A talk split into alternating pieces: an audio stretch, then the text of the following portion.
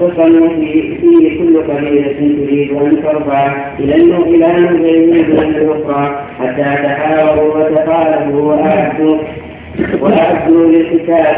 فقربت فقربت بنو عبد الدار جدة من دما ثم تعاقدوهم وبنو عدي بن كعب بن لؤي عن الموت وأدخلوا أيديهم في ذلك الدم. في تلك الجنة فسموا لاحة الدم. فمكثت فمكثت قريش على ذلك أربع ليال وخمسة ثم إنهم اجتمعوا في المسجد.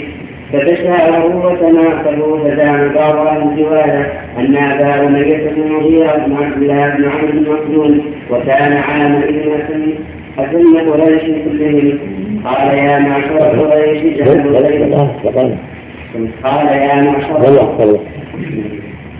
فزعم بعض أهل الروايه أن ابا اميه بن المغيره ابن عبد الله بن عمرو بن مخزوم وكان عامئذ حسن قريش. حسن قريش كلهم. قال يا معشر قريش اجعلوا بينكم فيما تختلفون فيه. اولا يدخلوا من باب هذا المسجد. اولا اولا اولا من يدخل. من؟ أمنا؟ لا لا أتنا نعم. السين نعم. وعمر نعم. والله عدد كبير نحن كثيرون نعم. والد والد أبو جهل أمر. وهذا غيره. هذا أبو أمية قد يكون. قريب أبي جهل قد يكون. غيره نعم. اجعلوا بينكم فيما تختلفون فيه. أولا يدخل من باب هذا المسجد. يقضي بينكم فيه ففعلوا فكان أول داخل رسول الله صلى الله عليه وسلم. فلما رأوه قالوا هذا الأمير رضينا هذا محمد فلما انتهى إليه واخبروه وذلك قبل أن يوحى إليه لأن كانوا يسمونه الأمين لما عرفوا من امانته العظيمه وصدقه وأخلاقه الكريمة عليه الصلاة والسلام. قبل أن يوحى إليه بخمس سنين نعم. قال صلى الله عليه وسلم هلم إلي ثوبا فأتي به فأخذ الركن عن الحجر الأسود فوضعه فيه بيده ثم قال تأخذ كل قبيلة بناحية من الثوب ثم ارفعوه جميعا ففعلوا حتى إذا بلغوا به وهذا وهذا من أحسن الصلح الذي وفقه الله. له فإنه هو أخذ بيده ووضعه في الثوب. ثم قال لهم من القبائل كل قبيلة منكم تأخذ طرف من الثوب كلكم يكون رفعة. فرفعه جميعا. وانتهى النزاع نعم. لا ما نزعه لأنه في محل وضع في الثوب والتنازع عند وضع في محله محل المحبة يعني. نعم. ووضعه هو بيده صلى الله عليه وسلم ثم بنى عليه وكانت قريش تسمي رسول الله صلى الله عليه وسلم قبل أن ينزل عليه الوحي الأمين. فلما فرغوا من البنيان وبنوها على ما أرادوا قال الزبير بن عبد المطلب فيما كان من أمر الحيه التي كانت قريش تهاجم ان كان لها عجبت لها هذا عم النبي صلى الله عليه وسلم. احد أعمال النبي صلى الله عليه وسلم. ولم يخلف فيما نعلم إلا بنت وهي الرضاعه بنت الزبير امراه المقدار بن الأسود وبنت بنته التي حجت مريضة. قال النبي صلى الله عليه وسلم حجي واشترطي ان محلي حيث حبستني نعم. نعم. عجبت لما تصورت العقاب إلى الثعبان وهي لها اضطراب وقد كانت تكون لها وضم العين العقاب نعم والطير المعروف. العقاب بضم الطير والعقاب بكسر العقوبة العذاب نسأل الله عجبت لما تطورت العقاب إلى الثعبان وهي لها اضطراب وقد كان يكون وقد كانت يكون لها تشيش وأحيانا يكون لها كتاب. إذا كنا إلى التأسيس شدت وخيرنا البناء وقد تهاب فلما أنفسين فلما وهم هم كرهوا أن يقتلوها خافوا أن يكون في قتلها شيء. قتلها سهل. لكن كانهم كرهوا قتلها وخافوا ان يكون قتلها غير مرضي لله وأنها وجدت لحمايه هذا البيت. فلهذا هابوها وكرهوا قتلها. حتى أرسل الله عليه هذا العقاب الطير فشالها. نعم. وربكم حكيم. نعم. فلما أن خشينا الرجل جاءت أيضا إذا كنا إلى التأثير. أول أول بيت. عجبت لها عجبت عجبت لما تفوضت العقاب إلى الثعبان وهي لها اضطراب وقد كانت يكون لها تشيش وأحيانا يكون لها ذهاب. إذا كنا إلى التاسيس شدت تهيزنا الجماع وقد تهاب فلما أن خشينا الرزق جاءت عقاب تتلئذ لها. عقاب تتلئذ لها انسباب فضمتها إليها ثم خلت لنا البنيان ليس لها حجاب. وكنا حاسبين إلى بناء لنا منه القواعد والتراب. غداة غداة نرفع التأسيس منه وليس على مساوينا ثياب أعز بها أعز به الملك لؤي أعز الله. أعز به الملك. إيه. أعز به الملك بنو لؤي بني. لؤي نعم. فليس لأصله منه ذهاب أعز به الله. أعز به الملك بني لؤي فليس لأصله منهم ذهاب وقد حسدت هناك بنو عدي ومرة قد تقدمها كلاب فبوأنا الملك بذاك عزا وعند الله يلتمس الثواب. نعم هذا في الجاهلية شيء عظيم نعم نعم قال ابن إسحاق وكانت الكعبة على عهد النبي صلى الله عليه وسلم ثمان عشر ذراعا وكان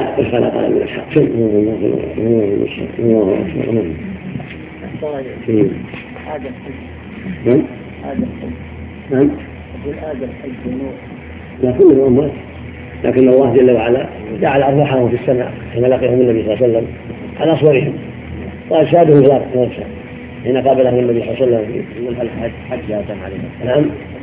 حج. جاء في بعض الاحاديث من حج آدم. جاء لكن ما عرف صحته نعم نعم. نعم. بسم الله الرحمن الرحيم.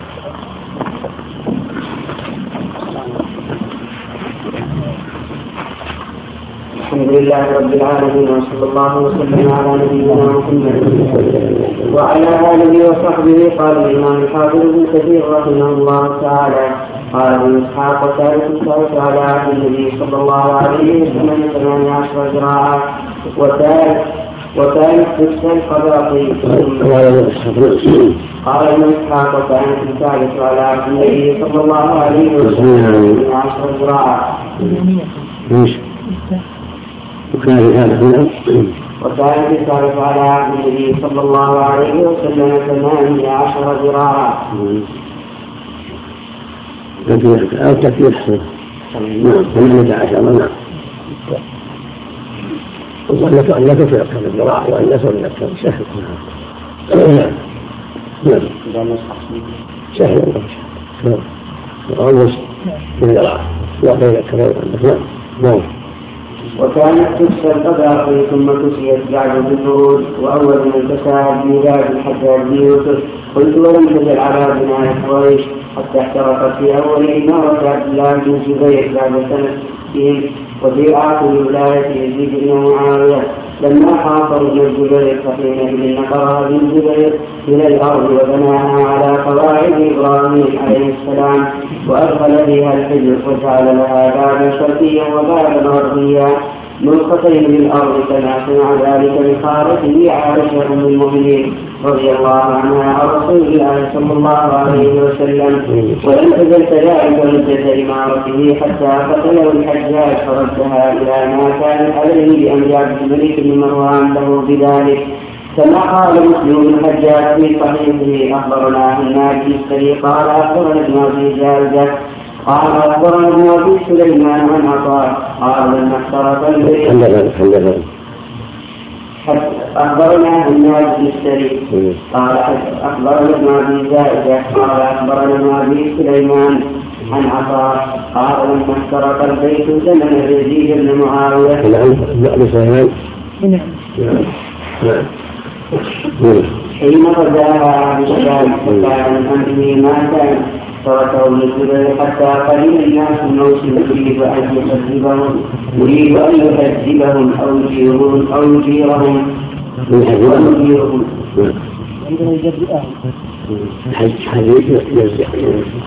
لهم يعني يغضبهم على على يزيد نعم.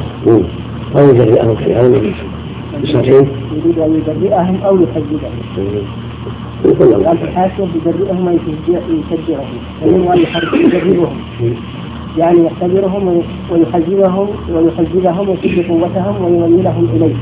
أو يميلهم إليه. ويجعلهم حزبا له وناصرين له على مخالفه.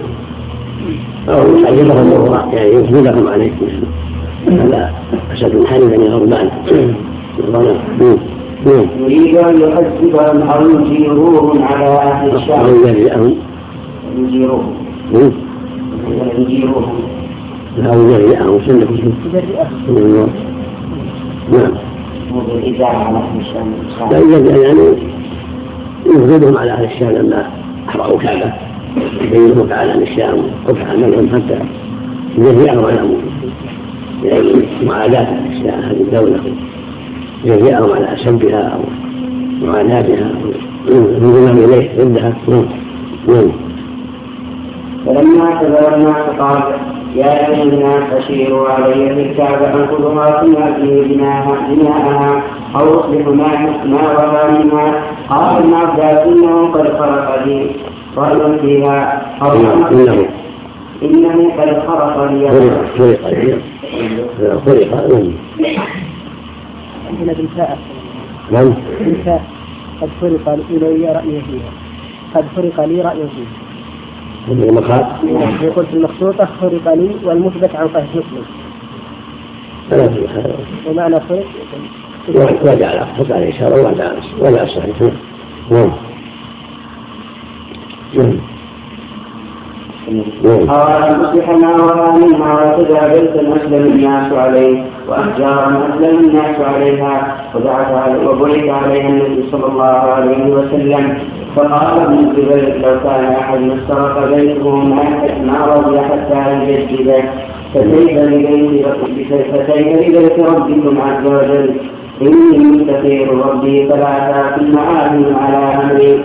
فلما أمرت أجمع رضيه على أن ينقضها فتحا ما الناس أن ينقض لأول الناس يفعل فيه أمر أمر من الله أمر من السماء. حتى قاده رجل فألقى منه تجارة فلما جاء الناس.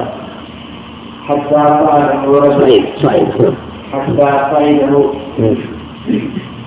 حتى أخرج الوفي فألقى من التجارة فلما لم يره الناس أصابه شيء تتابعوا فتتابعوا فنقضوه فلما لم يرى الناس فلما فلما لم يره رآه الناس؟ نعم. رآه؟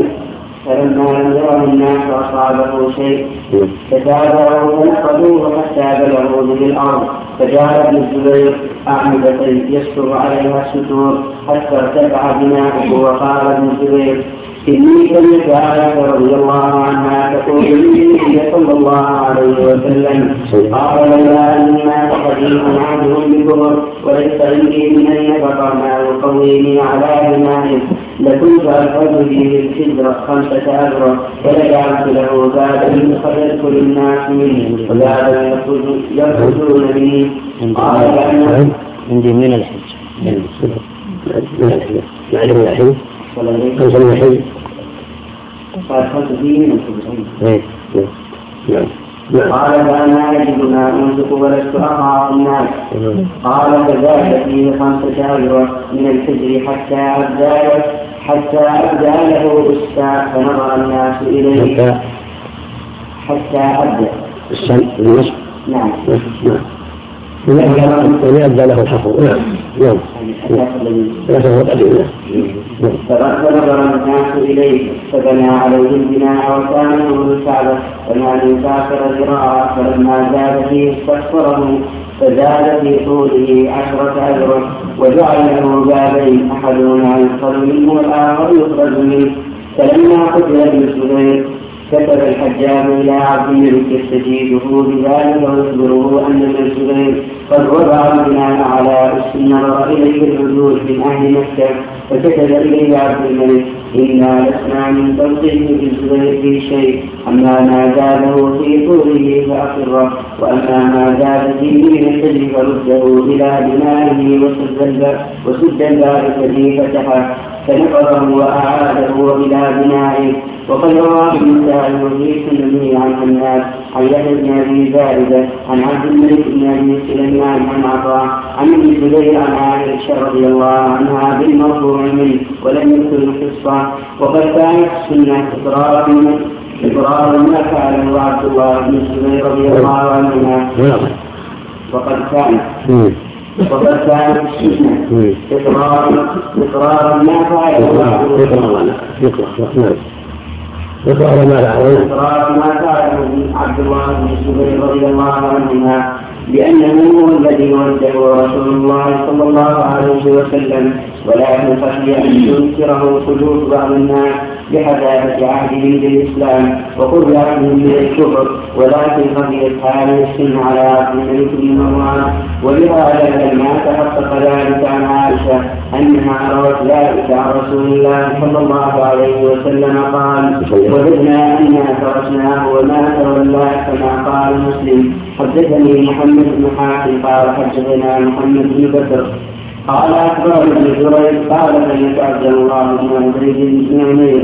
وزيد بن عطاء يحدثان عن الحارث بن عبد الله بن أبي ربيعة. قال عبد الله بن عبيد وبدا الحارث بن عبيد على عبد الملك بن مروان في خلافته فقال عبد الملك ما أظن ان ما أظن أبا حبيب. وفد الحارث بن عبد الله الأول حدث حاجب يحدثان عن الحارث بن عبد الله بن أبي ربيعة. نعم. قال وفد الحارث. قال عبد الله بن عبيد الله. وفد الحارث بن عبيد الله. تقدم يعني من عبد الله. شو التقريب؟ شو التقريب؟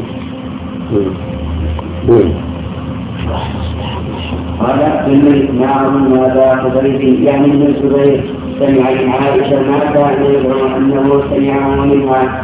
قال الحارث بلى أنا سمعته منها. قال سمعته تقول سمعتها تقول سمعتها تقول ماذا؟ قال قال قال رسول الله صلى الله عليه وسلم إن قومك استكثروا من دنيا من بيت ولولا تجاوز عهدهم بالشرك اعد ما تركوا منه فإن ذلك قومك من بعدي أن يتلوه فهل من ذريتي بنية ما تركوا منه فأراها قريبا من سبعة أذرع هذا حديث هذا حديث عبد الله بن عبيد بن عمير. وزاد فيه الوليد بن عطاء قال النبي صلى الله عليه وسلم ولجعلت لها بابين موضوعان في الأرض شرقيا وغربيا. وهل تدري من قومك رفعوا بابها قال قلت لا. قال تعززوا الا يدخلها إلا من أرادوا. فكان الرجل هو تعززا تعززا أن لا يدخلها إلا من أرادوا فكان الرجل إذا هو أراد أن يدخلها يدعونه حتى يرتقي. يدعونه حتى يرتقي. حتى إذا كاد أن يدخل دفعوه فسقط. قال عبد الملك فقلت للحارث أنت سمعتها تقول هذا؟ قال نعم. قال فنكت ساعة بعصا ثم قال وجدت أني تركت وما وددت أني تركت وددت وددت وددت وددت نعم وددت أني تركت وما تحملت نعم. قال يعني يعني من الزبير. يقول عبد الملك نعم. قال يعني وددت أني تركت من الزبير وما تحمل لما ألصقها الأرض فدخل فيها ما أمكن من العلم. نعم. نعم. هذا عبد الله بن أبي هذا الحارث مع عبد الله بن أبي ربيعة بن المغيره يأتي نسبه في الحارث بن هشام المخزومي. أمير الكوفة المعروف بالقضاء. تضم القاف وتخفيف موحده صدوق من الثانية وله رواية مرسله مات قبل السبعين. تزوج المراسيل والنسائي. والثاني؟ الحارث بن عبد الله الأعور. الحمداني. بسكن الكوفي. بضم المهملة وبالمثنى وبالمثنى الكوفي. أبو زهير صاحب علي كذبه الشعبي برأيه غيره غيره اللي بعدها الحارث بن عبد الرحمن بن عبد الله لا بس هو الأول لكن عندك خلاص ما عندك علامة مسلم. علق عليه هو في الثانية. ما وإذا سابق علامة مسلم عندك سواء عندك في الثانية الثانية يقول أبو داود في مراسيل النسائي من ثلاث نفس وينبغي لإيجاد مسلم. في رواية ثابتة في صحيح مسلم عن المؤمنين حسن. نعم سقط سقط الدعوة نشوف روايته مسلم لعل يعني لعل سعد مسلم سقطت هنا لأنه من رجال نعم. يقول ذرع الذراع بالكسر من طرف المرفق إلى طرف الإصبع الوسطى والساعد وقد تذكر فيهما. تكاوت عنه لا ثمانية عشرة. ثمانية عشرة كل شيء كلاهما جائز نعم. خلي إحنا عندك عبد الله. بدل عبد الله نعم. قال مسلم حدثنا محمد بن عمرو بن جبل. قال حدثنا أبو عاصم حان وحدثنا عبد بن حميد. قال أخبرنا عبد الرزاق كلاهما عن أبي جريج بهذا الإسناد كحديث أبي بكر. قال وحدثنا محمد بن حاتم. قال حدثنا عبد الله بن بكر. بن بكر عنده عنده عنده قال مسلم حدثنا محمد بن عمرو بن جبل قال حدثنا أبو عاصم قال وحدثنا عبد بن قال أخبرنا عبد الرزاق كلاهما عن ابن جريج بهذا الإسناد في حديث أبي بكر. ابن بكر. تقدم محمد بن بكر. نعم. من حديث ابن بكر. حديث ابن بكر. قال وحدثنا محمد بن حاتم قال حدثنا عبد الله بن بكر قال قال وحدثنا قال وحدثنا محمد بن حاتم قال حدثنا عبد الله بن بكر عبد الله. حدثنا محمد بن عمرو بن أبي جبر حدثنا أبو عاصم. قال حدثنا عبد الله بن بكر الشامي قال حدثنا محمد بن حاتم. قال وحدثنا محمد بن حاتم. قال حدثنا عبد الله بن بكر الشهري قال حدثنا حاتم بن أبي صغيرة عن أبي قزعة عن عبد الملك بن مروان. بينما هو يقول في البيت قال قاتل الله بن الزبير.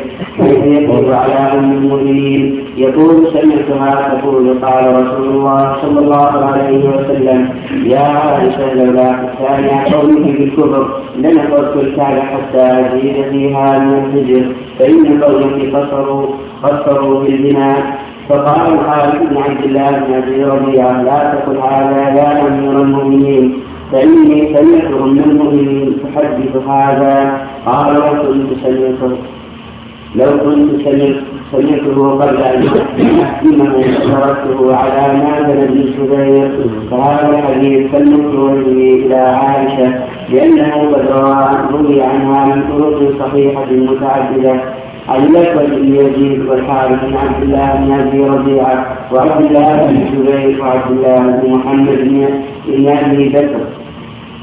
نعم بن أبي بكر. بن أبي بكر. وعمر بن الزبير فدل هذا عبد الله بن عبد الله بن محمد بن أبي نعم. نعم. وعمر بن الزبير فدل هذا على قواعد ما قال ابن الزبير فلو ترك لكان جيدا. ولكن بعد ما رجع إلى قول قول قول عبد الملك قاتل الله هذا من اغلاق عبد الملك من خطأ عفى الله عنه جيد فابن الزبير صحابي جليل وهو افضل من عبد الملك واصدق رضي الله عنه ورحمه واجتهد في ذلك ولكن الامره خلاف هذه الامره له اثر عظيم في الكلام والعقائد وفي كل شيء ان شاء الله في الشرع نعم نعم هذا واقع. يشرب الساعة هذا ما يقال هذا هو. ما يقال في معنى النكال المقصود لا النكال يأتي من بعد نعم. ولكن بعد ما رجع إلى يهدمه الحبشة. وشخص يقال له سبوتتين يقوم على هدمه من الحبشة في آخر الزمن بعد خروج ياجوج وماجوج بعد الدجال. ولكن بعد ما رجعتم إلى هذا الحال فقد كره بعض العلماء أن يغير عن حاله كما ذكر عن عن امير المؤمنين هارون الرشيد. أن يغير نعم. أن يغير عن حاله كما ذكر عن أمير المؤمنين هارون الرشيد أو أبي المهدي أنه سأل الإمام مالك عن هدم الكعبة وردها إلى ما فعل ابن الزبير فقال له مالك يا أمير المؤمنين لا تجعل لا تجعل كعبة الله ملعبة للملوك لا يشاء أحد أن يهدمها إلا هدمها فترك ذلك الرشيد. نقله رياض النووي. ولا تزال والله أعلم. هكذا إلى آخر الزمان. إلى أن يصيبها بالسرقة من الحبشة. فما ثبت ذلك في الصحيحين عن أبي هريرة رضي الله عنه. قال قال رسول الله صلى الله عليه وسلم يضرب الكعبة بالسرقتين من الحبشة. أخرجا وعن ابن عباس رضي الله عنهما عن النبي صلى الله عليه وسلم قال كأني به أسود. أكحد يقلعها حجرا حجرا رواه البخاري وقال الإمام أحمد هذا الذي قاله مالك رحمه الله. تلقاه الأمة بقبول لأن الناس إذا فسح لهم في الهدم هذا يهدم وهذا يبني حضر التلاعب ولم تستقر الكعبة على حال. فلهذا منع مالك من ذلك وأمر الامير أمير المؤمنين في وقته بتركها. على ما هي عليه في وقت قريش في وقت النبي عليه الصلاة والسلام. وكان اجتهاد ابن زبير في محله لكن لما غيره عبد الملك وردها إلى حالها الأولى والعلماء ترك ذلك وان تغير حتى لا تلعب الناس. هذا يهدم وهذا يقول هذا كذا كذا يبني. لأن الملوك فيما بينهم يحصل بينهم من التغاير والنفاسه والحسد ومحبه العلو ما لا يحصل إلا الله سبحانه وتعالى. فلهذا تركت على حالها بعد بناء عبد الملك إلى يومنا هذا. نعم. زيادة ابن الزبير. نعم. زيادة ابن الزبير عشرة أجرا من أي جهة التي أقرها عبد الملك. هي هو سبع ذراع سبع ذراع هو زاد خمس. ولكن في رواية أخرى سبع ذراع امتلأ الكعبة. من جهة الشمال. لأن الكعبة وجهها إلى الشرق ودبرها إلى الغرب والحجر من جهة الشمالية. والحجر الأسود واليماني من جهة اليمانية. وأدخل من الحجر خلف أذرع في رواية الأخرى وفي رواية أخرى أن أن النبي صلى الله عليه وسلم حد لها سبع أذرع. ويقول العلماء أنه من المنحنى منحنى الحجر بين الحجر هذا حد الكعبة. والمقصود أنه من البيت كما قال النبي صلى الله عليه وسلم لعائشة صلي في الحجر فإنه من البيت. نعم. تسمية الحجر الإسماعيلي. نعم. تسمية الحجر الإسماعيلي. نعم نعم. قد يكون مما يروى ان دفن فيه يروى ان دفن فيه الناس مع كثير ولكن الاخبار لا لا تعتمد على شيء. الاخبار ليس لها أسانيد تعتبر. وليس عن النبي صلى الله عليه وسلم إنما من الاقوال الله شيء قد يكون هذا من سمي حي إسماعيل لأنه دفن فيه قديما. انما قديما يسمى اسماعيل للحقيقه يسمى الحكيم يسمى حي اسماعيل قديم. نعم. قديم. والحكيمة المحكوم الكعبة نعم. بما الملك على أساس الأول نعم. بناها من على أساس الأول. وقريش بنوها على أساس الأول.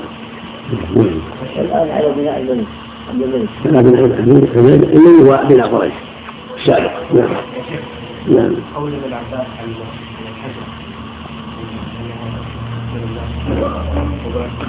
يعني المقصود دعه على ما ما كان عليه أهل النبي صلى الله عليه وسلم. هذه مشروعته. لا يقول حتى لا يعني يستكثر الناس شيئا من ذلك. نعم. يكون فيها دقة السويقتين يكون فيها دقة يعني السويقتين له ساق دقيقة قال الحج نعم. وقال الإمام أحمد بن حنبل في مسنده أخبرنا أحمد بن عبد الملك الحراني قال أخبرنا محمد بن سلمة عن ابن إسحاق عن ابن أبي نجيح عن مجاهد عن عبد الله بن عمرو بن العاص رضي الله عنه قال وقال الإمام أحمد في مسنده أخبرنا أحمد بن عبد الملك الحراني نعم. قال أخبرنا محمد بن سلمة عن ابن إسحاق عن ابن أبي نجيح عن مجاهد عن عبد الله بن عمرو بن العاص رضي الله عنهما قال سمعت رسول الله صلى الله عليه وسلم يقول يخرج الكعبة بالسويقتين من الحبشة يسلبها حليتها ويجردها من كسوتها ولكأني أنظر إليه والصيد عن أسيد يضرب عليها بمسحاته ومعوله والكدع ريب بين القدمين وعظام الشاق. وهذا والله اعلم. غير غير نعم. يحتمل وقد عن كذا يعني خالفه وزاد عنه خالفه يحتمل نسخه زي وهذا والله اعلم انما يكون بعد خروج ياجوج وماجوج لما جاء في صحيح البخاري هذا السبب يعبده السنة قبله وانه ضعيف لأنه عن آية بن إسحاق لكن يعبده من قريب كما تقدم. نعم الصحيحين نعم. لماذا في صحيح البخاري عن أبي سعيد الخدري رضي الله عنه؟ قال قال قال رسول الله صلى الله عليه وسلم ليحجن البيت وليعتمرن بعد خروج يأجوج ومأجوج.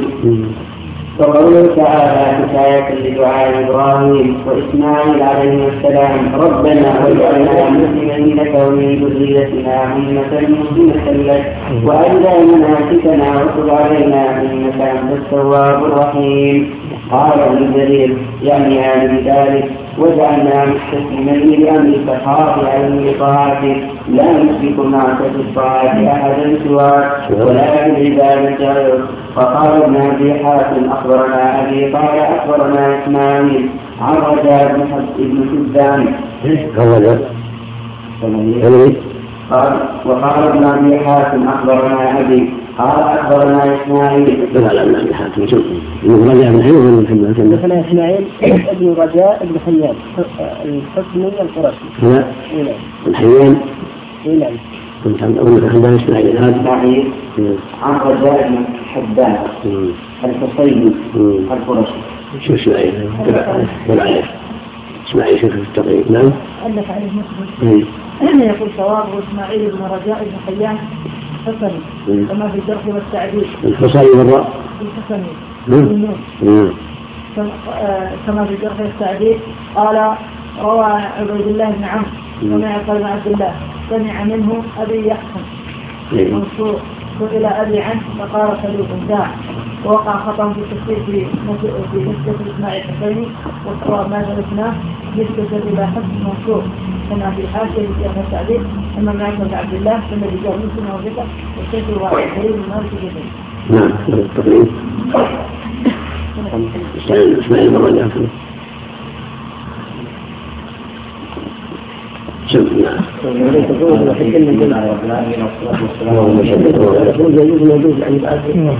لا بعد بعد خروج بعد هذا المقصود بالله نعم.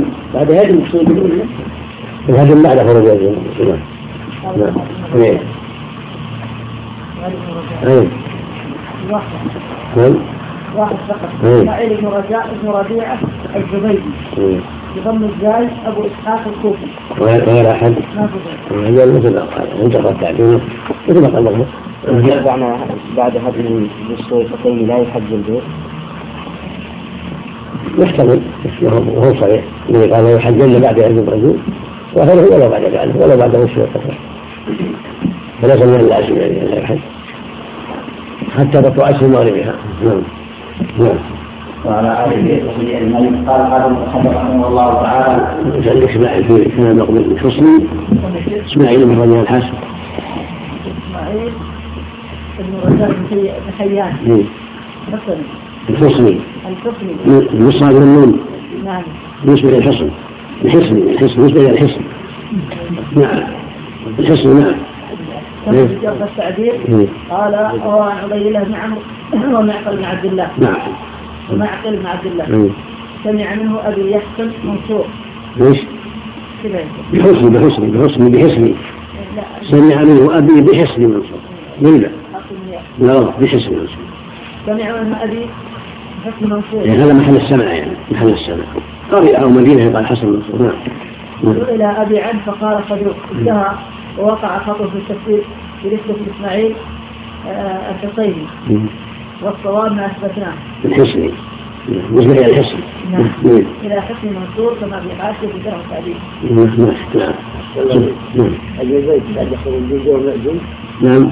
البيت بعد خروج والمأجوج وشو؟ البيت بعد نعم هذا الظاهر نعم هو ظاهر النصوص يكون بعدها وكذا عده العلماء فيكون بعد ذلك. بعد موت عيسى. نعم. أقول بعد موت عيسى. نعم. نعم المستعان الله نعم. بسم الله الرحمن الرحيم. الحمد لله رب العالمين وصلى الله وسلم على نبينا محمد. وعلى آله وصحبه قال الإمام الحافظ ابن كثير رحمه الله تعالى وقال ابن أبي حاتم أخبرنا أبي قال أخبرنا إسماعيل بن رجاء بن سفيان الحصيني الحسني القرشي. قال أخبرنا ناصر بن عبد الله عن عبد الكريم. وجعلنا مسلمين لك قال مخلصين لك. ومن ذريتنا أمة مسلمة لك قال مخلصا وقال أيضا أخبرنا علي بن حسين حيان حيان وحبات في حيان الياء. شوف التقريب. التقريب عندكم هذا التعليق أيوه شلون؟ هنا يقول صواب إسماعيل بن رجاء بن حيان الحسني كما في الجرح والتعديل قال روى عن عبيد الله بن عمرو. وناصر عبيد الله. سمع منه أبي بالحسن المنصور سئل أبي عن فقال صدوق ووقع خطأ في التفسير في نسبه إسماعيل. آه، الحسني حسيني والصواب ما احدثنا نسبة إلى حسن منصور كما في حاشية الجرح التعديل. عندك شيء عنه؟ في ميزان الاعتدال ذكره بالموحده أيوه جرح التعديل ذكره بالمسمات ضبطه اي نعم. لا ما بدون ضبط. ما ضبط نعم. لا بس حق نسخة نسخة عندك حبان؟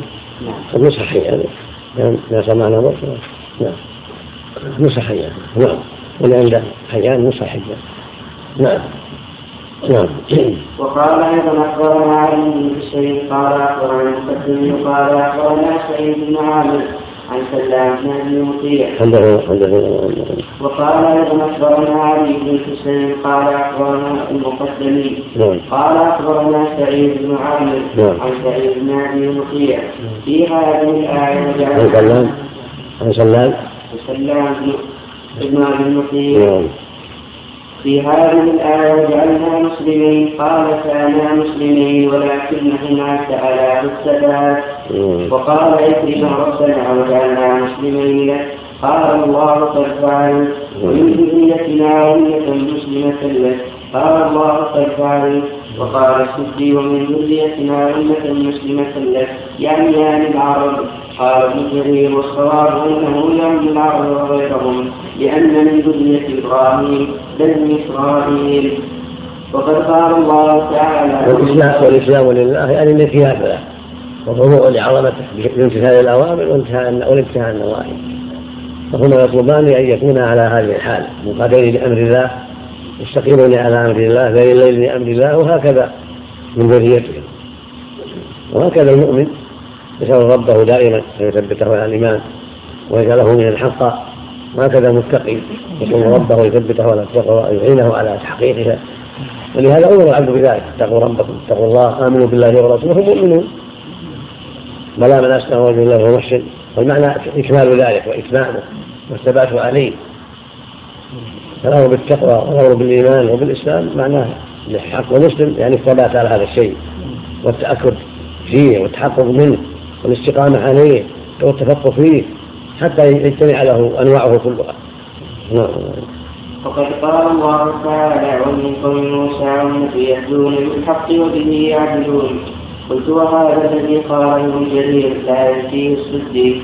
فإن تخصيصه بذلك لا يأتيه. قلت قلت وهذا الذي قاله ابن جرير لا يأتيه الصديق فإن تخصيصهم بذلك لا يأتي من عداهم والسياق إنما هو في العرب ولهذا قال بعده ربنا وابعث فيهم رسولا منهم يتلو عليهم آياتك ويعلمهم الكتاب والحكمة ويزكيهم الآيات. والمراد بذلك محمد صلى الله عليه وسلم وقد بعث فيهم كما قال تعالى هو الذي بعث الأميين رسولا منهم ومع هذا لا ينفي رسالته إلى الأحمر والأسود لقوله تعالى قل يا أيها الناس إني رسول الله إليكم جميعا وغير ذلك من الأدلة القاطعة. هو بعث الأميين والعرب بالأصالة بالأساس بعث فيهم أولا هم الفاتحة وهو منهم ورسالته عامة إلى جميع العرب والعجم والجن والإنس. الذي بعث الأميين رسولا منهم يعني أساسا وأصالة وإلى فيهم والناس لهم والناس في ذلك تبع لهم من سائر الأمم. منظورة للجميع. وما أرسلناك إلا كافة للناس بشيرا ونذيرا.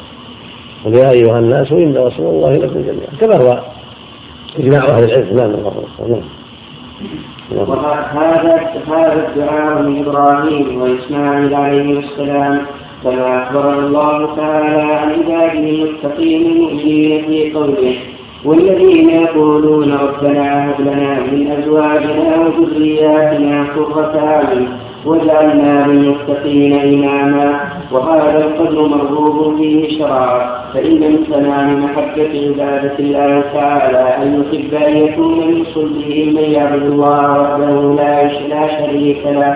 ولهذا قال هذا لما قال الله تعالى لإبراهيم عليه السلام إني جاعلك للناس إماما. قال ومن ذريتي قال لا ينال الظالمين وهو قول واجنبني وبني أن نعبد الأصنام.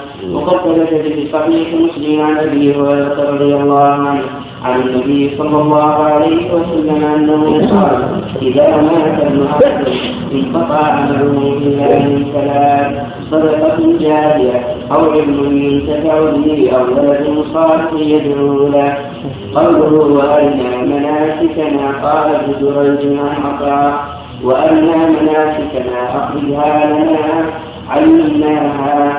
وقال مجاهد أرنا مناسكنا أي ذابحنا؟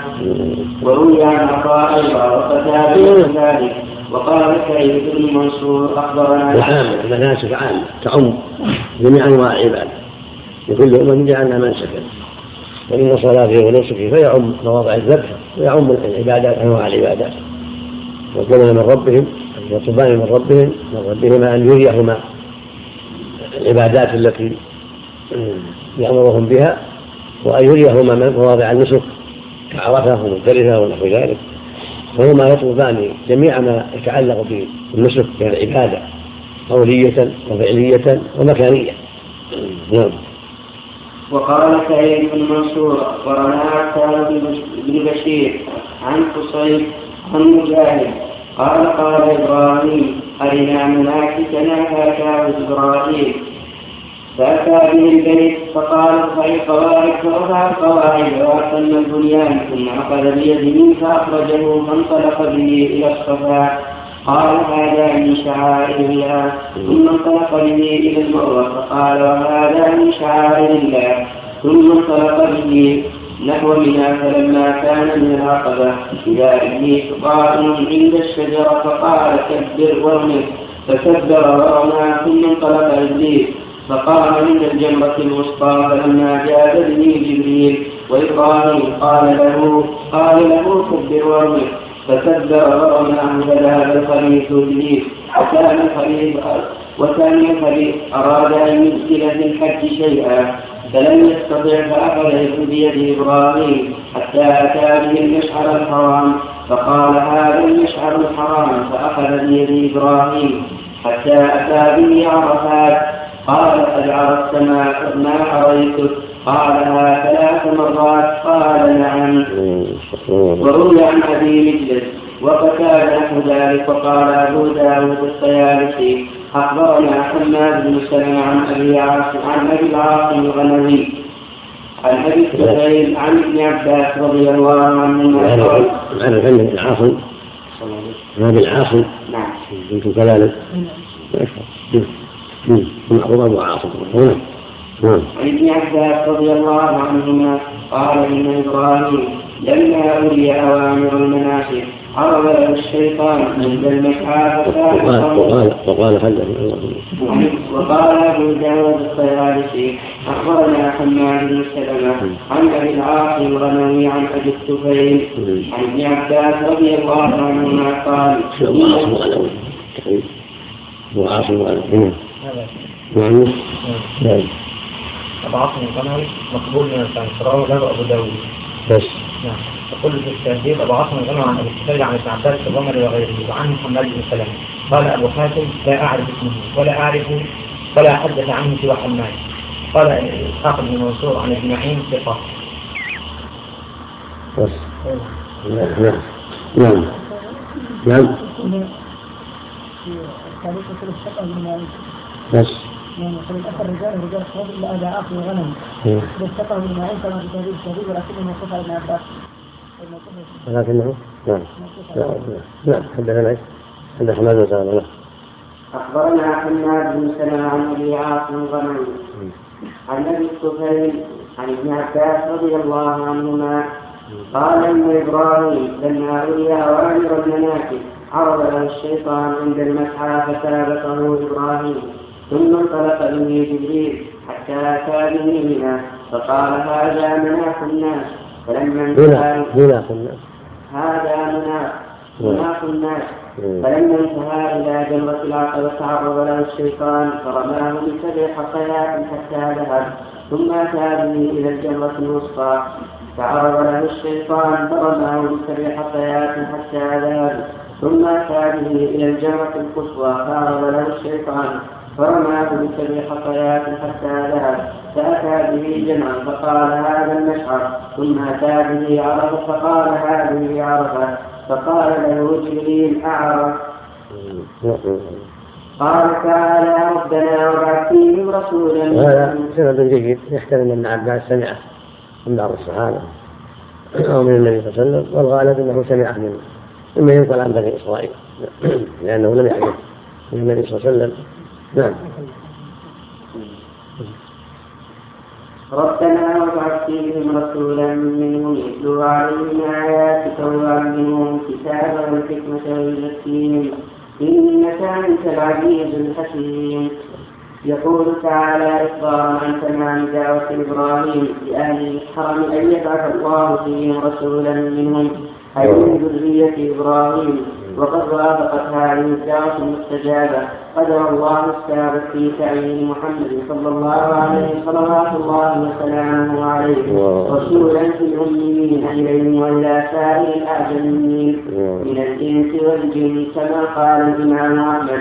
أخبرنا عبد الرحمن بن مهدي عن معاوية بن صالح عن سعيد بن سويد بن كلب عن عبد الأعلى عن عبد الأعلى بن هلال السلمي عن العباد بن سارية رضي الله عنه قال قال رسول الله صلى الله عليه وسلم إني عند الله لخاتم النبيين وإن آدم لمنجدل في طينته وسننبئكم بأول ذلك دعوة أبي إبراهيم وبشارته السابين ورؤيا ورؤيا أمي التي رؤيا أمي. رؤيا رؤيا أمي ورؤيا أمي نعم. ورؤيا أمي التي رأت وكذلك أمهات النبيين. يرين. رأينا. وكذلك أمهات المؤمنين يرين. وكذلك رواه ابن وهب والليث وكاتب عبد الله بن صالح. عن معاوية بن صالح. وتابعه أبو بكر بن أبي مريم. عن سعيد بن سويد به وقال الإمام أحمد أيضا أخبرنا سعيد بن سويد. مقبول نعم سعيد. بن سويد الكلبي. قال الحافظ في تعجيل المنفعة روى عن عقاب بن وربما أدخل بينهما عبد الأعلى بن هلال إلى أن قال وروى عنه معاوية بن صالح وأبو بكر بن أبي مريم وذكره الحجاج في الثقات. وقال البخاري لم يصح حديثه يعني الذي رواه معاوية عنه مرفوعا وذكر هذا الحديث إلى أن قال وخالفه أي البخاري بن حبان و والحكم والصحاح. والحاكم؟ والحاكم. والحاكم انتهى المراد من تعجيل منفعة. لا ابن حبان والحاكم وصفه كان عندك؟ نعم نعم. نعم. يقول يقول وانت خبير بأن ابن حبان والحاكم متساهلان في التصحيح فلا يكون تصحيحهما الحديث معارضا لقول البخاري رحمه الله هذا وأما عبد وأما عبد الاعلى بن هلال السلمي فلم يترجم له الحافظ في تعجيل منفعه وقد قال لابي حاتم روى عن العرباض بن سارية وأبي إمامة الباهلي روى عنه سويد بن سعيد سمعت أبي سمعت أبي يقول ذلك فعلى هذا يكون مجهول العين ويكون حديثه في مصائب. بس. نعم. في زياده؟ لا نفس الكلام. نعم. وقال الإمام أحمد أيضا أخبرنا أبو النضر أنا أسمعت أبو العلام ما يعرف ولا تعرف النبي حاتم هذا هو عن سؤال لا يكفي هذا لا. وفق هذا في المتابعة هذا ولا في الساحل هذا سند سند هذا ما ذكر سند. آخر نعم ودارها على عبد عبد الأعلى من خلال. نعم وهي سويد. سعيد بن سويد سعيد بن سويد. نعم ودارها عليه نعم. لكن صح عند الحبة والحاكم يمكن الحبة والحاكم رأي له أشياء تعظم لكن ما بين نعم. وقال الإمام والحديث مشهور. الحديث هذا مشهور وإن كان سنده حديث الصفة لكن لعله. وقال لم يعثر عليه الحافظ نعم. نعم. أخبرنا أبو النضر قال أخبرنا الفرج قال أخبرنا لقمان قد يشكل على هذا لأن النبي صلى الله عليه وسلم هو خاتم النبيين. وهو رسول رب العالمين قبل آدم وقبل خلق آدم. قبل خلق آدم بخمسين ألف سنة. بل باقي بأكثر من ذلك؟ لأن الحديث الصحيح أن الله قدر مقادير الخلائق قبل أن يخلق السماء بخمسين ألف سنة وكان ألف قبل آدم وقبل خلق السماء بخمسين ألف سنة. هذا يشكل على مثل هذا؟ ولكن من باب التقدير التفصيلي لو صح كما أن أنه صلى الله عليه وسلم خاتم الأنبياء ورسول الله في القدر السابق فهو أيضا كذلك حين وجود آدم من جبل يقينه وهو أيضا كذلك حين بعد الأنبياء بعده هكذا لأن القدر سابق على الجميع. نعم يكون باب التفصيل. مثل قدر الجريد بطن أمه. تفصيل من القدر السابق كان التقديم في ليس قدر تقدير تفصيل من القدر السابق لا منافاة. نعم لو صح. نعم. وقال الإمام أحمد أيضا أخبرنا النضر قال أخبرنا قال أخبرنا عثمان بن عامر. قال سمعت أبا عمامة قال قلت يا رضي الله عنه قال قلت يا رسول الله؟ ما كان أول بدء أخبرنا أبو النضر قبل وقال من؟ وقال الإمام أحمد أيضا. قبل الله قبل أيضا. وكذلك رواه ابن وهب والليث وسعد وعبد الله بن صالح عن معاوية بن صالح وتابعه أبو بكر بن بكر بن أبي مريم عن سعيد بن سويد به وقال الإمام أحمد أيضا أخبرنا النضر قال أخبرني الفرج. قال أخبرنا عثمان بن عامر. وتقدم رواية الأحمد أيوه تقدم رواية. أخبرنا أخبرنا عبد الرحمن بن مهدي. عن معاوية بن صالح عن سعيد بن سويد عن سلبي عن عبد الأعلى بن هلال السلمي. نعم. نعم. وقال الإمام أحمد كنت أظن الذي نعم. طيب نعم. وقال الإمام أحمد أيضا أخبرنا أبو النضر قال أخبرنا الفرج. قال أخبرنا عثمان بن عامر. قال سمعت أبا رضي الله عنه. قال قلت يا رسول الله ما كان أول بدء قال جاء إبراهيم وبشرى عيسى ورأت به أنه خرج منها نور أضاءت له قصور الشام. والمراد أن أول من نوار مثله وشهره في الناس إبراهيم عليه السلام. هذا شاهد هذا شاهد لنا قبله. والفرج ضعيف الفرج هذا من فرج من فواله. نعم لكن شاهد. نعم. نعم. ولم يزل ذكره في الناس مذكورا مذكورا دائما حتى أصبح اسمه خاتم انبياء بني إسرائيل نسب عيسى بن مريم عليه السلام حيث قام في بني إسرائيل خطيبا وقال إني رسول الله إليكم مصدقا لما بين يدي من التوراة. ومبشرا برسول يأتي من بعد اسمه أحمد ولهذا قال في هذا الحديث دعوت أبي إبراهيم وبشرى عيسى بن مريم.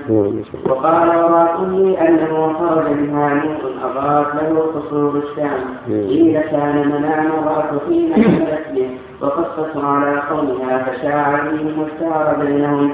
وكان وكان ذلك توطئة وتخفيف الشام بظهور نوره إشارة إلى استقرار دينه ونبوته ببلاد الشام. ولهذا تكون الشام في آخر الزمان معقلا للإسلام واهية وبها ينزل عيسى بن مريم إذا نزل بدمشق للبنارة الشرقية البيضاء منها. ولهذا جاء في الصحيحين لا تزال طائفة من أمتي ظاهرين على الحق لا يضرهم من قبلهم ولا من خالفهم. حتى يأتي أمر الله وهم كذلك وفي صحيح البخاري وهم من الشام قال أبو جعفر الرازي عن الربيع بن عن أبي العالية في قوله ربنا وبعث فيهم رسولا منهم يعني أمة محمد صلى الله عليه وسلم فقيل له صحيح البخاري وهم بالشام راجع راجع هذا آية تعليق هذا صحيح البخاري وهو مسلم نعم. نعم حديث الثاني هذا فرج يعني؟ نعم. نعم ما في. يحتاج مراجعة أو يحتاج مراجعة اللي يذكر من تعيين الشام أنها خارج الصحيحين. والمعنى في وقت ما مو دائم مو بالشام في وقت ما. والصواب أن هذه الطائفة ليس لها مقر معين قد تكون في الشام قد تكون في غير الشام. قد تكون في أفريقيا وقد تكون في الشرق وقد تكون في الغرب المقصود أن الطائفة هم لا تجتمع على الباطل. وهذا من فضل الله ورحمته سبحانه وتعالى. نعم. قد تكون أقساما بعضها في الشام وبعضها في نجد وبعضها في أفريقيا وبعضها. يعني وجود أهل الحق. نعم. حديث الشيخ هذا اللي يقول له طريق صحيح نعم. نعم. يقول له طريق آخر صحيح عند ابن أبي عاصم. ساقة؟ نعم. يقول ثم وجدت التاريخ السابق على هذا. ثم وجدت في السنة لابن ابي عاصم حدثنا أبو موسى حدثنا عبد الرحمن المهدي حدثنا منصور بن سعد عن بديل العقيلي. منصور بن سعد؟ نعم. إيه. عن عن بديل العقيلي عن عبد الله بن شقيق عن ميسر الغزل. قال قلت يا رسول الله متى كنت نبيا؟ قال وآدم بين الرسل والجسد. حدثنا هدبة بن خالد حدثنا حماد بن سلمة عن خالد الحذاء عن عن عبد الله بن شقيق الرجل قال قلت يا رسول الله متى بعثت نبيا؟ قال وآدم بين الرسل والجسد فالذي يظهر أن هذا هو الثابت من الحديث والله أعلم. شاهد ما تقدمنا يجب التالينا قوله ربنا وبعثهم رسولا من يعني أمة محمد صلى الله عليه وسلم فقيل له قد استجيب لك ووصى به في آخر الزمان وكذا قال السدي وقتادة وقوله يعلمهم الكتاب يعني القرآن والحكمة يعني السنة قاله الحسن وقتاده مقاتل بن حيان وأبو حيان وقيل الفهم الدين قيل الفهم الدين ولا منافاة ويزكيهم قال ابي طلحه عن ابن عباس رضي الله عنهما يعني طاعة الله والإخلاص. وقال محمد بن إسحاق ويعلمهم الكتاب والحكمة قال يعلمهم الخير فيفعلوه والشر فيتقوه ويخبرهم برضا الله عنه إذا أطاعوه من طاعته ويجتنبوا ما يفسدون من معصيته. وقوله إنك أنت العزيز الحكيم أي العزيز الذي لا يزيده شيء. وهو قادر على كل شيء الحكيم في أفعاله وأقواله فيضع الأشياء في محلها لعلمه وحكمته وعدله. لا إله إلا الله سبحانه وتعالى نعم. قال تعالى ومن يرغب عن ملة إبراهيم إلا من سلم نفسه ولقد اصطفيناه في الدنيا وإنه في الآخرة لمن الصالحين. اللهم صل اللهم صل اللهم صل. الله عليه نعم نعم لا منقطع ما أدرك ابن عباس نعم لكنه يروي عن كثير مع الانقطاع نعم صواب جميع هذه الروايات كثيرة منقطعة وين؟ رواية علي بن كل رواياتها عن ما أدرك ابن عباس لا كثيرة كثيرة لكن ما أدركها كأنك تلقاها عن الأصحاب إما عثيرة ولا غيره لكنه يترك الواحدة نعم نعم نعم نعم على قاعدة نعم نعم نعم نعم نعم نعم ما لها مكان معين قد يكثرون ويقلون ويتفرقون ويجتمعون نعم من كان على الحق بس ولو كان ناقص عليه السلام في دمشق ولا في دمشق نعم ثم يأتي إلى فلسطين لأجل قتال الدجال ومعه مسلمون نعم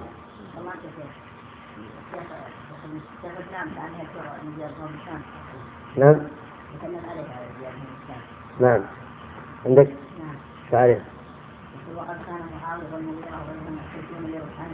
نعم نعم انه الصحيحين عن النبي صلى الله عليه وسلم أنه قال لا تزال طائفه من أمتي قائمة بامر الله فيضرهم من خالفهم ولا من خذلهم حتى تقوم الساعة.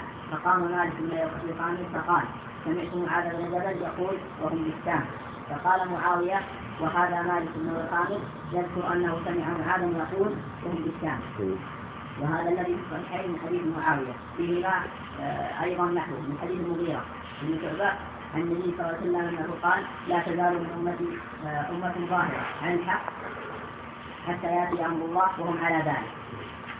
بس. وهم يحتجون به في أي محل هذا؟ نعم في أي محل؟ في الجزء الرابع. إيه. تساوى إيه، صفكم 445 طيب أحسن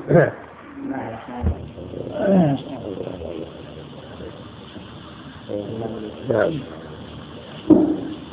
بسم الله الرحمن الرحيم. الحمد لله رب العالمين وصلى الله وسلم على نبينا محمد. وعلى آله وصحبه قال الامام رحمه الله تعالى. وقال تعالى ومن يرغب عن ملة إبراهيم إلا من سفه نفسه ولقد اصطفيناه في الدنيا وإنه في الآخرة لمن الصالحين. إذ قال له ربه أسلم. قال أسلمت لرب العالمين. ووصى بها إبراهيم بنيه ويعقوب. يا بني إن الله اصطفى لكم الدين فلا تموتن إلا وأنتم مسلمون. يقول تبارك وتعالى على الكفار الذين ابتدعوه واحدثوا من الشرك بالله المخالف ملة إبراهيم الحليم. إمام إمام الحنفاء فإنه جرد توحيد توحيد ربه تبارك وتعالى فلم يجد فلم يدع معه غيره ولا أشرك به طرفة عين وتبرأ من كل معبود سواه. وخالف في ذلك سائر قومه حتى تبرأ من أبيه.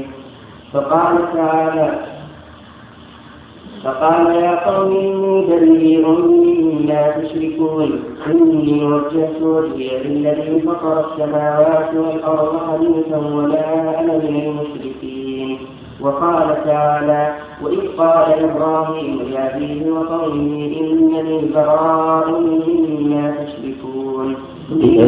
قلنا وإذ قال إبراهيم لأبيه وقومه إنني براء مما تعبدون إلا الذي فطرني فإنه سيهدين. وقال تعالى وما كان وما كان استغفار إبراهيم لأبيه إلا عن موعدة وعدها إياه. فلما تبين له أنه عدو لله تبرأ منه إن إبراهيم لأواه حليم وقال تعالى إن إبراهيم كان أمة قانتا لله حنيفا ولم يكن من المشركين. شاكرا لأنه اجتباه وهداه إلى صراط مستقيم. وآتيناه في الدنيا حسنة وإنه في الآخرة لمن الصالحين. ولهذا وأمثاله قال تعالى ومن يرغب عن ملة إبراهيم إلا من شبه نفسه أي ظلم نفسه بسببه وسوء تدبيره بتركه الحق إلى الضلال حيث خالف طريق حيث خالف طريقا اقتدي في الدنيا للهداية والرشاد. من حداثة سنه إلى أن اتخذه الله خليلا وهو في الآخرة.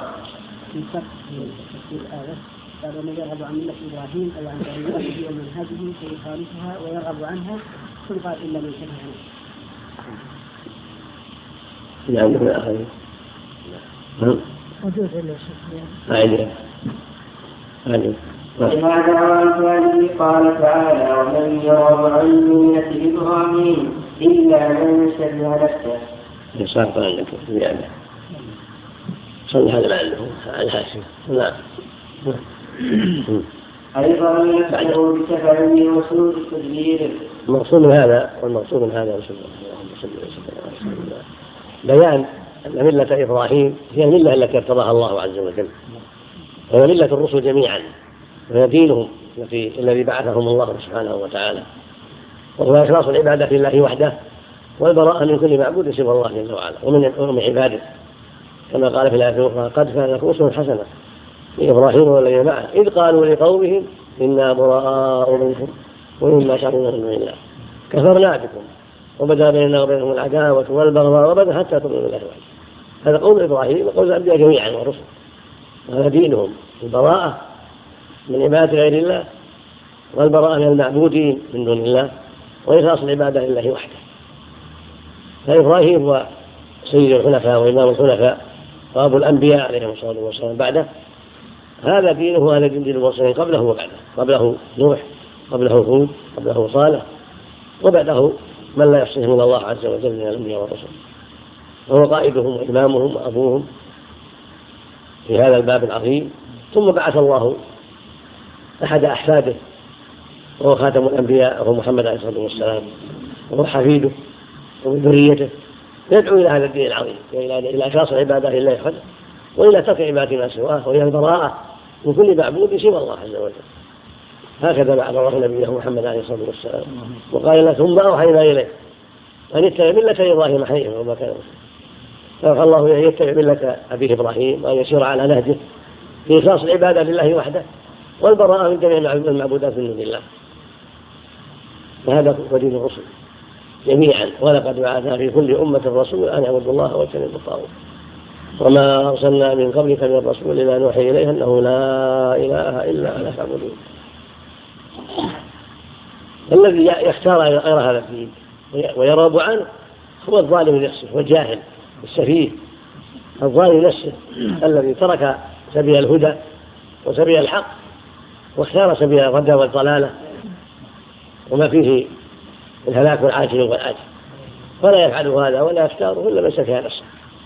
جهل حقيقتها فظلمها وألقاها في طريق الهلاك وحاد بها عن الحق والصواب فصار سفيها لها وظالما لها ومعتدا عليها نسأل الله العافية. نعم.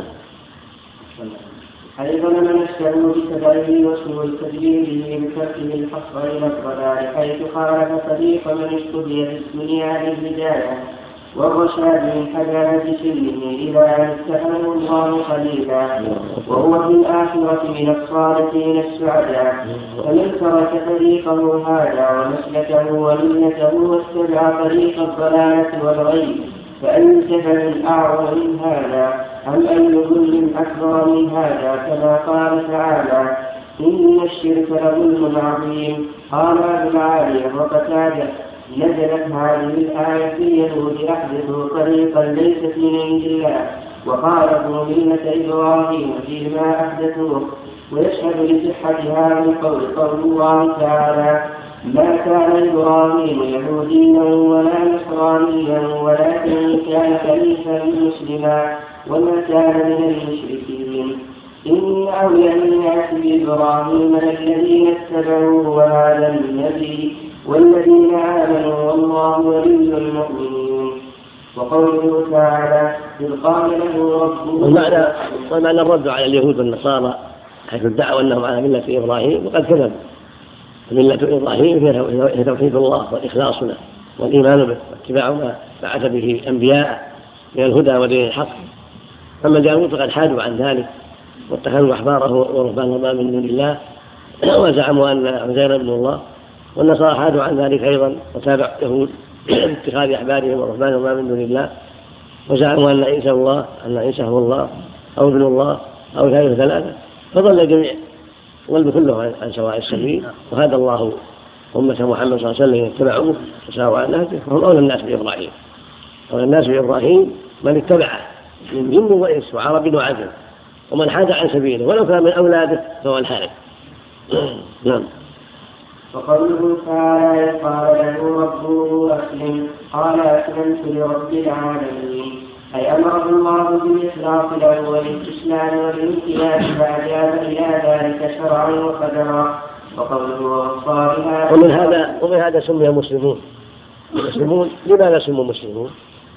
لأنهم انقادوا للشرع استسلموا لشرع الله وانقادوا له. ومن أسلم فقد انقاد للحق. ومن أبى فقد استكبر ولم يستسلم. والمسلمون سموا مسلمين لهذا الأمر. وقد أسلم يعني انقاد للحق وذلله وتابعه. فالمسلمون هم أتباع الحق الذين انقادوا له وعظموه وذلوا له وحكموه في أهوائهم وفي كل شيء. هؤلاء هم المسلمون. ولهذا قال تعالى بلى من أسلم وجعله هو مسلم فله أجر عند ربه. فالمسلم هو الذي ينقاد لأمر الله ويعظم حرمات الله ويقف عند حدود الله ويخالف هواه في طاعة مولاه. هذا هو المسلم. فإذا أبى فقد عانى واستكبر وصار مع الضالين ومع الكافرين الذين عاندوا بالحق ولم ينقادوا له. ودين الرسل جميعا هو الإسلام. إن الدين عند الله الإسلام. يعني الانقياد لله وإخلاص العبادة له وتوحيده وإفراده بالعبادة والانقياد لأحكامه والوقوف عند حدوده وعدم الخروج على ذلك. هذا هو دين الرسل جميعا وكلهم مسلمون ودينهم هو الإسلام. من أولهم نوح من أولهم آدم إلى آخرهم محمد عليه الصلاة والسلام. نعم. فقوله وصى بها إبراهيم الخليل ويعقوب هل وصى بهذه الملة؟ وهي الإسلام بالله أن يعود الضمير على الكلمة. ويقول أسلمت لرب العالمين لحرصهم عليها ومحبتهم لها حافظوا عليها إلى حين الوفاة ووصوا أبناءهم بها من بعدهم. كقوله تعالى وجعلها كلمة باقية في عقبه وقد قرأ بعض السلف ويعقوب بالنصر عصا على بنيه كأن إبراهيم وصى بنيه. وابن ابنه يعقوب ابن إسحاق وكان حاضرا ذلك. وقد جاء التشيري فيما حكاه القرطبي عنه أن يعقوب إنما ولد بعد وفاة إبراهيم. ويحتاج هذا إلى دليل صحيح. والظاهر والله أعلم أن إسحاق ولد له يعقوب في حياة الخليل وسارة لأن لأن البشارة وقعت بهما في قوله فبشرناها بإسحاق فبشرناها بإسحاق ومن وراء إسحاق يعقوب وقد قرئ بنصب يعقوب هذا على نزع على نزع الخاطر فلو لم يوجد يعقوب في حياتهما لما كان لذكره من بين ذرية إسحاق. كبير فائدة وأيضا فقد قال الله تعالى في سورة العنكبوت ووهبنا له إسحاق ويعقوب وجعلنا في ذرية النبوة والكتاب الآية. وقال في الآية الأخرى وهبنا له إسحاق ويعقوب نافلة. وهذا يقتضي أنه وجد في حياته. وأيضا فإنه وأيضا فإنه جاء من بيت المقدس. كما نطقت بذلك الكتب المتقدمة. وثبت في الصحيحين في حديث أبي ذر قلت يا رسول الله أي مسجد وضع في الأرض؟ وضع أول. أي مسجد وضع أول؟ قال المسجد الحرام. قلت ثم أي قال بيت المقدس. قلت كم بيت هنا؟ قال أربعون سنة. الحديث. فجعل الحجاج أن بين سليمان الذي اعتقد أنه كان من بيت المقدس. وإنما كان جدده بعد خرابه وزخرفه وبين إبراهيم أربعين سنة وهذا من على الحداد فإن المدة بينهما تزيد على حدود السنين. والله أعلم. وأيضا فإن وصية يعقوب ببنيه سيأتي ذكرها قليلا. وهذا يدل على أنه هذا من جملة الموصين الموصين الموصين وهذا يدل على أنه هذا من جملة الموصين لا وصاهم رأي شيء من هو؟ معروف محمد. المسلم صاحب الصحيح. نعم والذي بنى مسجد القدس هو يعقوب. حفيد إبراهيم. أما سليمان فجاء متأخرا. وإنما سليمان عمره وجدد عليهم الصلاة والسلام جميعا. نعم. وقوله يا بني إن الله اصطفى لكم الدين فلا تموتن إلا وأنتم مسلمون. أي أحسنوا في حال الحياة والجنوب والزموا هذا ان يرزقكم الله الوفاة عليه فإن المرء يموت غالبا على ما كان عليه ويبعث على ما مات عليه. وقد أجرى الله الكريم. عادته بأن من قصد الخير وفق له ويسر عليه. ومن نوى خالفا كذب عليه. وهذا لا يعارضنا جاء في الحديث الصحيح إن الرجل لا يعمل بعمل أهل الجنة حتى ما يكون بينه وبينها إلا باع أو ذراع فيسبق عليه الكتاب ليعمل بعمل أهل النار فيدخلها وإن الرجل لا يعمل بعمل أهل النار حتى ما يكون بينه وبينها إلا باع أو ذراع فيسبق عليه الكتاب فيعمل بعمل أهل الجنة فيدخلها لأنه قد جاء في بعض الروايات في بعض روايات هذا الحديث ليعمل بعمل أهل الجنة فيما يبدو للناس وبعمل أهل النار فيما يبدو للناس. وقد قال الله تعالى فأما من أعطى واتقى وصدق بالحسنى فسنيسره لليسرى وأما من بخل واستغنى وكذب بالحسنى فسنيسره للعسرى. والمعنى أن من اجتهد في الخير وحرص عليه واخلص لله وقصد الهدى فالغالب من سنة الله عز وجل أن مثل هذا لا يكون إلا مؤمنا يوفق حتى يموت على الإسلام وهكذا العكس. ولهذا قال عز وجل ومن يتق الله يجعل له مخرجا ويرزقه من حيث لا يحتسب. ومن يتق الله يجعل له من أمره يسرا. لكن بعض الناس قد يعمل بعمل أهل الجنة وهو في الباطن في قلبه من الفساد والشر والنفاق ما فيه. فيسبق عليه الكتاب فيعمل بعمل النار الذي استقام عليه قلبه واطمأن إليه قلبه وفيموت على ذلك نعوذ بالله. وهكذا العكس قد يعمل بعمل أهل النار وعنده من محبة الله وعنده من الرغبه في الخير ما عنده فيسبق عليه ما في قلبه من الهدى الذي سبق به علم الله ويعمل بعمل الجنة فيدخله وقد تكون هناك أسباب أخرى يختم له بها بخاتمة السوء وإن أظهر الخير قبل ذلك لكن سنة الله الغالبة في عباده أنه من أظهر الخير صادقا مخلصا لله أن الله يميته عليه نعم قال تعالى نعم نعم وما فيها من الأكل الهيئة التي مات على دين اللي مات عليه نعم. نعم خاصة متقن أشعاره تعرف نعم نعم. قال إن كنتم شهداء حضر يعقوب الموت. قال لبنيه ما تعبدون من بعدي الله نعم.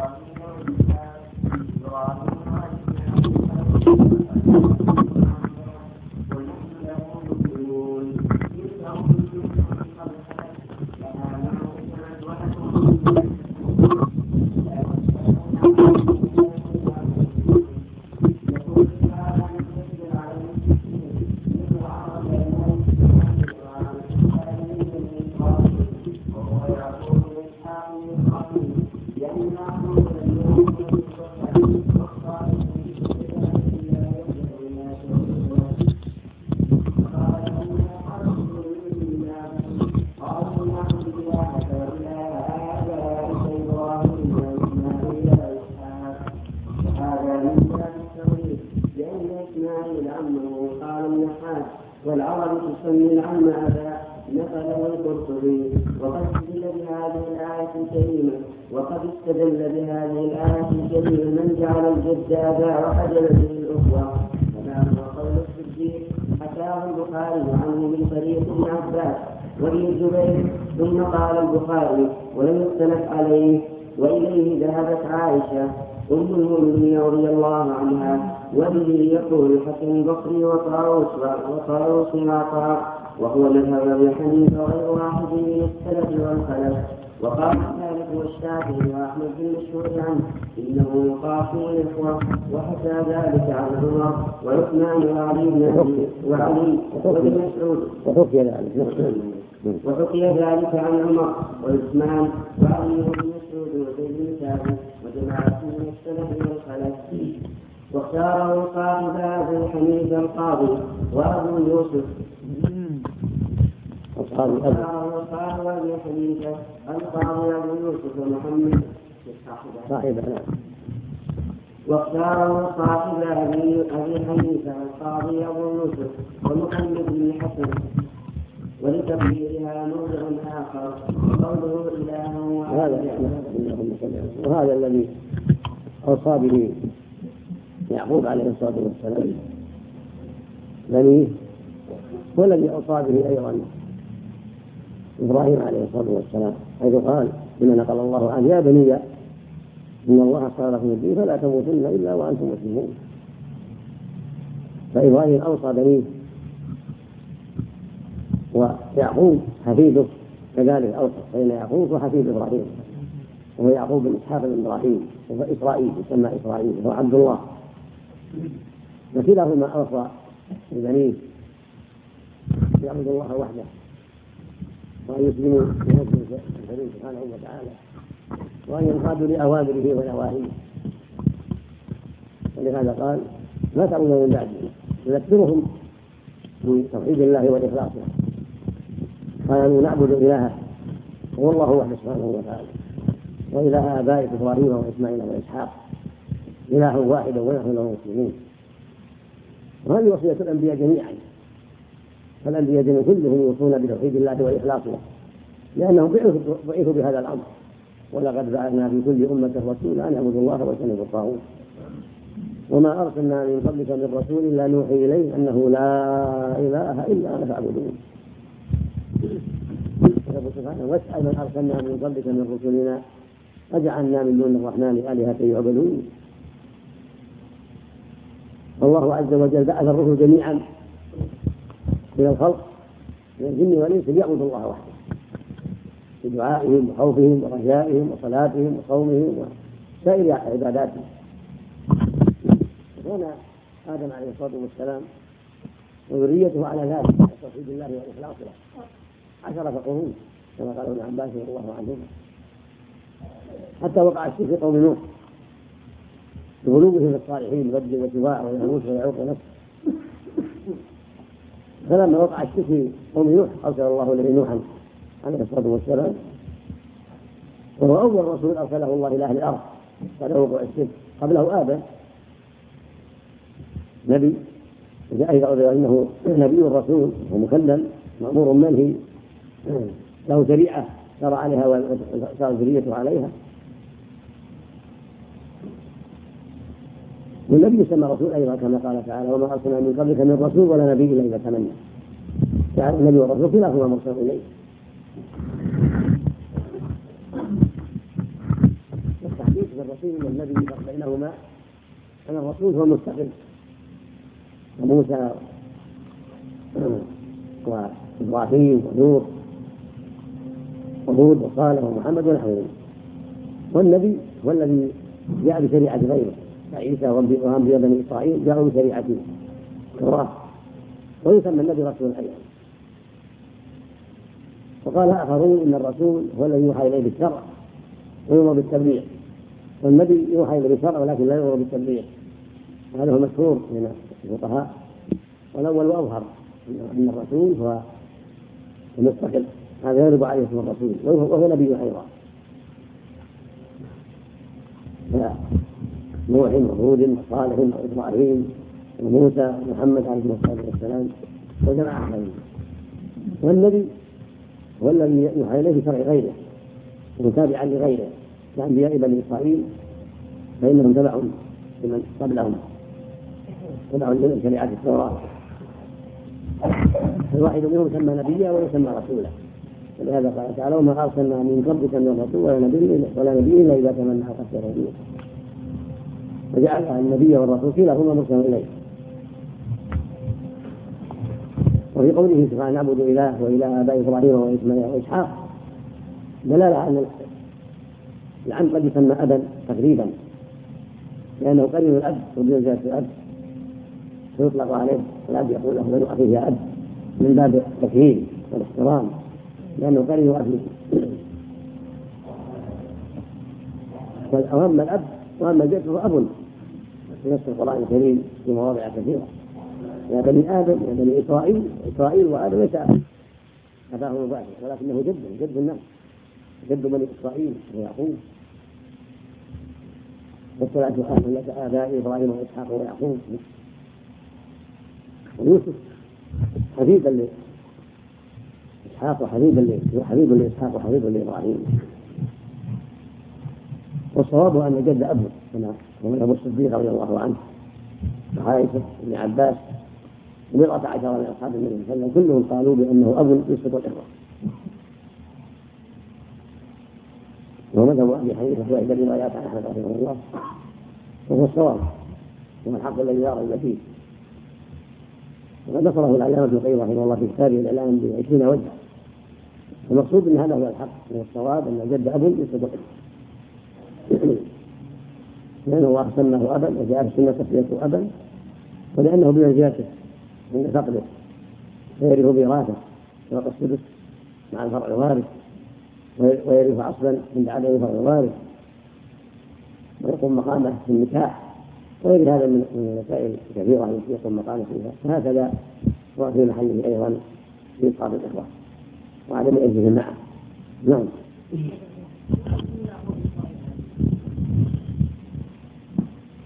كل الناس عبد الله. سمى الله اسرائيل معنى عبد الله يعني. هو يعقوب وهو عبد الله. وكل إنسان هو عبد الله. نعم. وقوله إله واحدا أن نوحده بالألوهية ولا نشرك به شيئا غيره ونحن له مسلمون. أي مطيعون خاضعون كما قال تعالى وله أسلم من في السماوات والأرض طوعا وكرها وإليه يرجعون. والإسلام هو ملة الأنبياء الخاطبة وإن تنوعت شرائعهم واختلفت منهجهم كما قال تعالى وما أرسلنا من قبلك من رسول إلا نوحي إليه أنه لا إله إلا أنت عبدون ولا هذا كثيرا والأحاديث. فمنها قوله تعالى قوله صلى الله عليه وسلم نحن معاشر الأنبياء أولاد علات ديننا واحد. وقوله تعالى فيها. نحن معشر الأنبياء أولاد علات ديننا واحد وقوله تعالى تلك أمة قد خلت أيمانها معنى أولاد علات لأن فرائض. يسلون لهم بالأولاد من زوجات الشتى وأبوهم واحد. هكذا الأنبياء. الرسل لكل منهم شريعة. ودينهم واحد. وهو توحيد الله والإخلاص له والإيمان به. وبالإيمان بملائكته وكتبه ورسله واليوم الآخر وبالقدر خيره وشره وبالجنة والنار إلى غير ذلك لكن بالشرائع متنوعة. هذا قد يشرع له كذا ويؤمر بكذا وينهى عن كذا. قد يباح ذلك في شريعة أخرى. قد تأتي أوامر أخرى في الشريعة الأخرى كما في شريعة التوراة والشرائع قبلها شرائع شريعة عيسى. فإن الله خفف عن بني إسرائيل بذات عيسى عليه الصلاة والسلام وأحد لهم بعض ما حرم عليهم وهكذا شريعة محمد صلى الله عليه وسلم أخف من شريعة التوراة وأيسر. ووضع الله عن هذه الأمة الآثار والأغلال ولهذا قال تعالى لكل جعلنا منه شرعة ومنهاجا.